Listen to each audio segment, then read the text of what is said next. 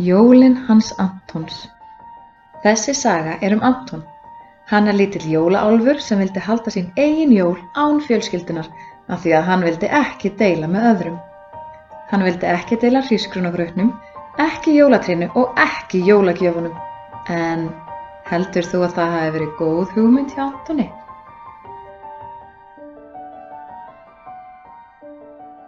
Fimmtándi desember Mamma og Anton er í eldhúsinu og nú ætlar mamma að elda grjónagraut. Anton situr á skammeli við hliðina á henni og fylgist með því að hún setji nú nóg af grjónum í pottin.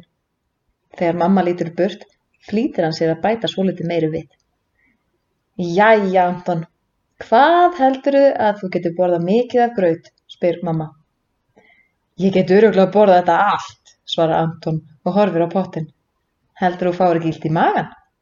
Nei, svarar Anton, og þó ég fái kannski pínur eitthvað magapínu er mér alveg sama því mér finnst grauturinn svo góður.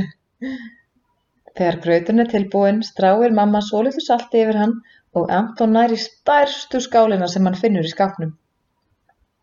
Þú mátt alveg fylla þessa, segir hann. Mamma setur fjórar fullar ausur af graut í skálina en Anton vill alltaf fá meira og loks er skálin orðin svo þung að hann getur varla lift henni.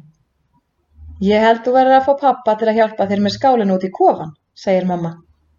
Anton næri pappa en honum finnst skálin líka allt of þung til að bera hana út í kofan.